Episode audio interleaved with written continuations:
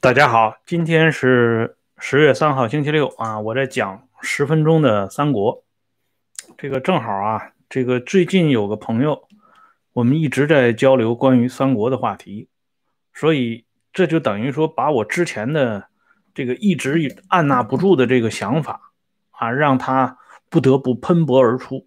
对三国这段历史一直情有独钟。但是我跟这位朋友聊天的时候，他就给我提个建议。他说，要是讲三国的话，眼下就有两个爬坡，你要有心理准备。一个呢是这个易中天讲的历史的三国，一个呢是袁阔成讲的评书的三国。当然，我本人是一个历史票友，不可能跟这两位前辈相提并论。但是这两位前辈留下的足迹啊，足以让我们这些后来者呢，啊，需要在一定程度上进行仰望。如果真的要做到平视的话，就是你自己手里要能拿得出手。所以我自己说，温相说三国，作为一个历史票友来讲三国，我愿意从另外一个角度，就是大家或许啊。从以往的关于三国的这些史料当中和已经公开的这些讲述当中没看到的那一面说起，这就是一场豪门与庶民的较量。这豪门或可说成是豪族，豪族啊，但是我愿意用大家更喜欢听到的这种通俗的说法，用豪门，因为。以前啊，就曾经在总结中国历史，有两种两种人最容易取得最高权力，一种呢是豪门，一种呢是流氓。因为这两种人都是距离中国政治法则最近的两种人。豪门他懂得上层法则。那流氓呢？他懂得江湖的法则，庙堂即江湖，江湖即庙堂，两者没有天然的悬隔，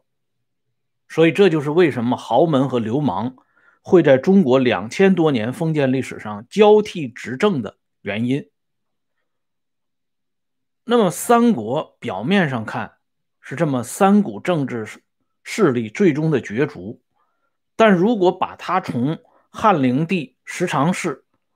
呃，把持政权的这段历史，以及后边的黄巾起义、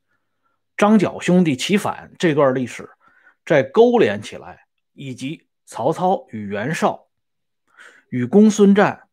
以及与刘表等一系列的，包括跟吕布之间的较量，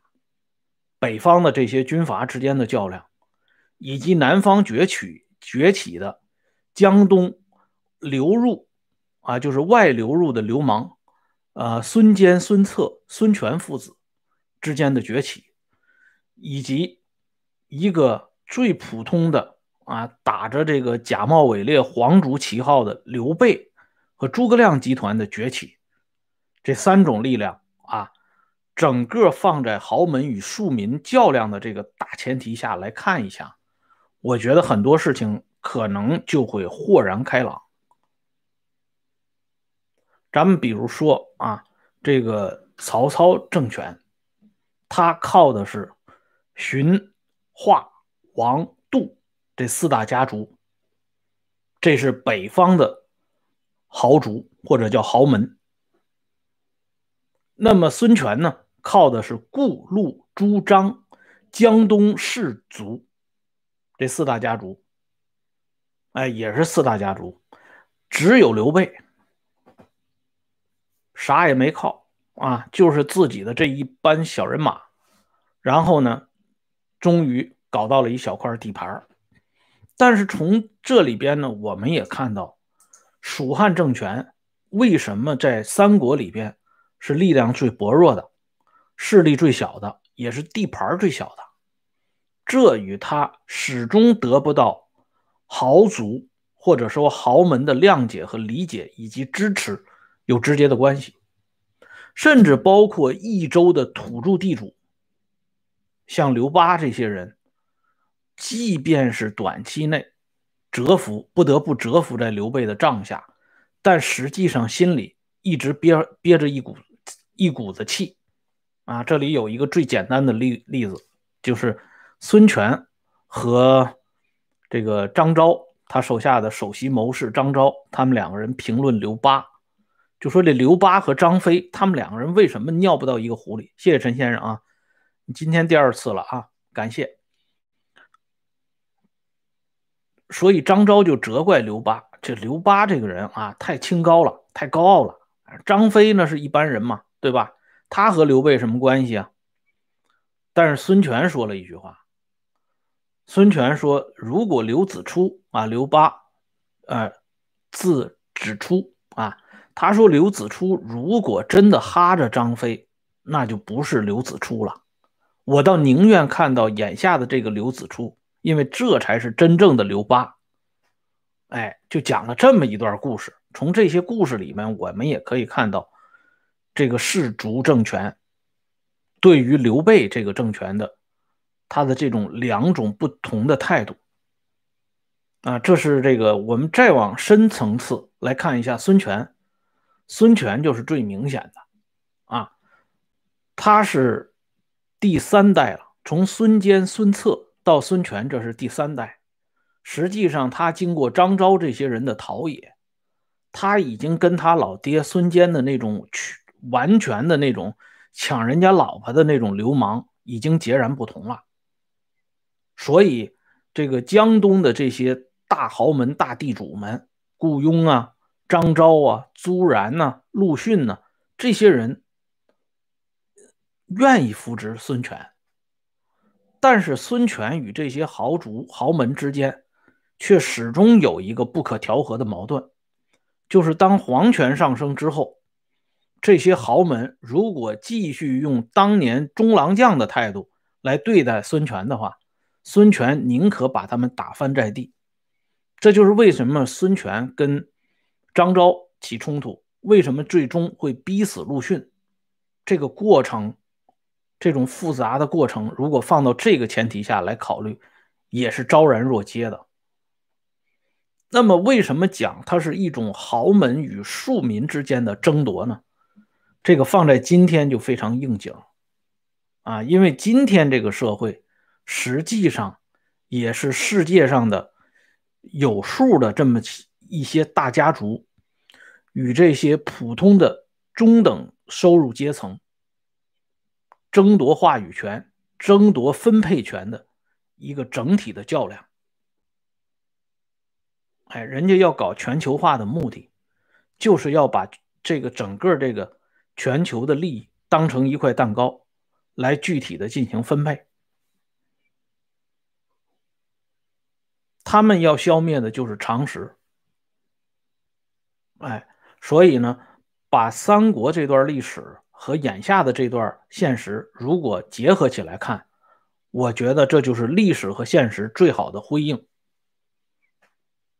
从三国的这个发展过程当中，我们也能够清晰的看到这一点。黄巾起反就是一种反抗，这是民间啊完全没有任何背景力量的草根儿结成的江湖骗子集团啊，要向这个中央政府分一块蛋糕的举动。他打的旗号呢？啊，所谓这个啊“苍天已死，黄天当立”的这个旗号，实际上也是恰恰抄抄袭从汉灵帝和石常氏手中抄袭过来的这套东西。这里边呢，实际上就还有一个故事，跟眼下最贴边的一场综艺节目啊，也非常这个接近。大家经常能看到这个综艺节目，比如说最火的这个《中国好声音》等等，他们统一管这东西叫才艺。这个才艺不是今天才有的，早在东汉末年正统的儒家学术和这个所谓的民间才艺，就已经形成了一个对立的尖锐的冲突。那么，到底是提拔传统的儒家传承者，还是提拔这个《中国好声音》的这个演唱者？这两者之间的较量，就是十常侍专政的最核心的东西。而由十常侍专政引发出关东诸侯进行讨伐董卓呀等等这些啊，包括李傕、郭汜这些人的叛乱，实际上还是围绕着这个大前提。而这个大前提之不可逆转，也正是豪门与庶民之间较量最终的对立与妥协。啊，这话呢说的好像有点绕啊，大家不妨慢慢品一下。曹操也好，啊，刘表也好，他们实际上都是降格以求，他们与袁绍是不同的。但是袁绍为什么败在曹操手里？这就是说明为什么《中国好声音》最终会取代那些啊，我是说以《中国好声音》为代表的这些综艺节目。为什么会最终取代那些啊正宗的什么美声唱法呀、民族唱法呀？把这些东西都扫荡了，如出一辙啊！用这个来比较呢，我相信一些这个喜欢通俗一点说法的朋友可能就会理解了。哎，曹操的所谓建安七子和刘表的天下八郡，实际上都是从宦官那里边得来的。他们其实就是《中国好声音》的另外一种包装出现，哎，所以从这个整个的这个三国的这个轨迹，如果用豪门与庶民之间的这个较量来作为大前提来演说这个三国，我觉得这样的三国可能跟我们今天的现实会离得更近一点，也是大家能够。对他有一个更为崭新的认识啊，所以今天呢就讲这么十分钟，来说一下我要讲三国，想讲一个什么样的三国啊？当然，这个三国开讲，咱们就先从刘备的出身说起，就说这么一个出身微寒的这么一个人，为什么千百年来很多民间人士对他始终抱有好感？这个提这个陈寅恪的这个阶级升降论，嗯，也有一定道理，哎，有一定道理。包括后边的司马懿和这个曹曹这个曹魏整体的较量，实际上还是一种豪门之间的分肥。而到了司马懿的时候，司马懿执政的时候，这种豪门的格局已经非常清晰了。哎，如果把这么一段历史，要是能够通过非常通俗的这种讲解把它说清楚了，那么我觉得对于眼下大家能够睁开眼睛看现实，可能是一个小小的帮助。这论据当然是根据历史了，哪能根据《三国演义》呢？嗯，再者说，你不要小看《三国演义》啊。《三国演义》里边提到的周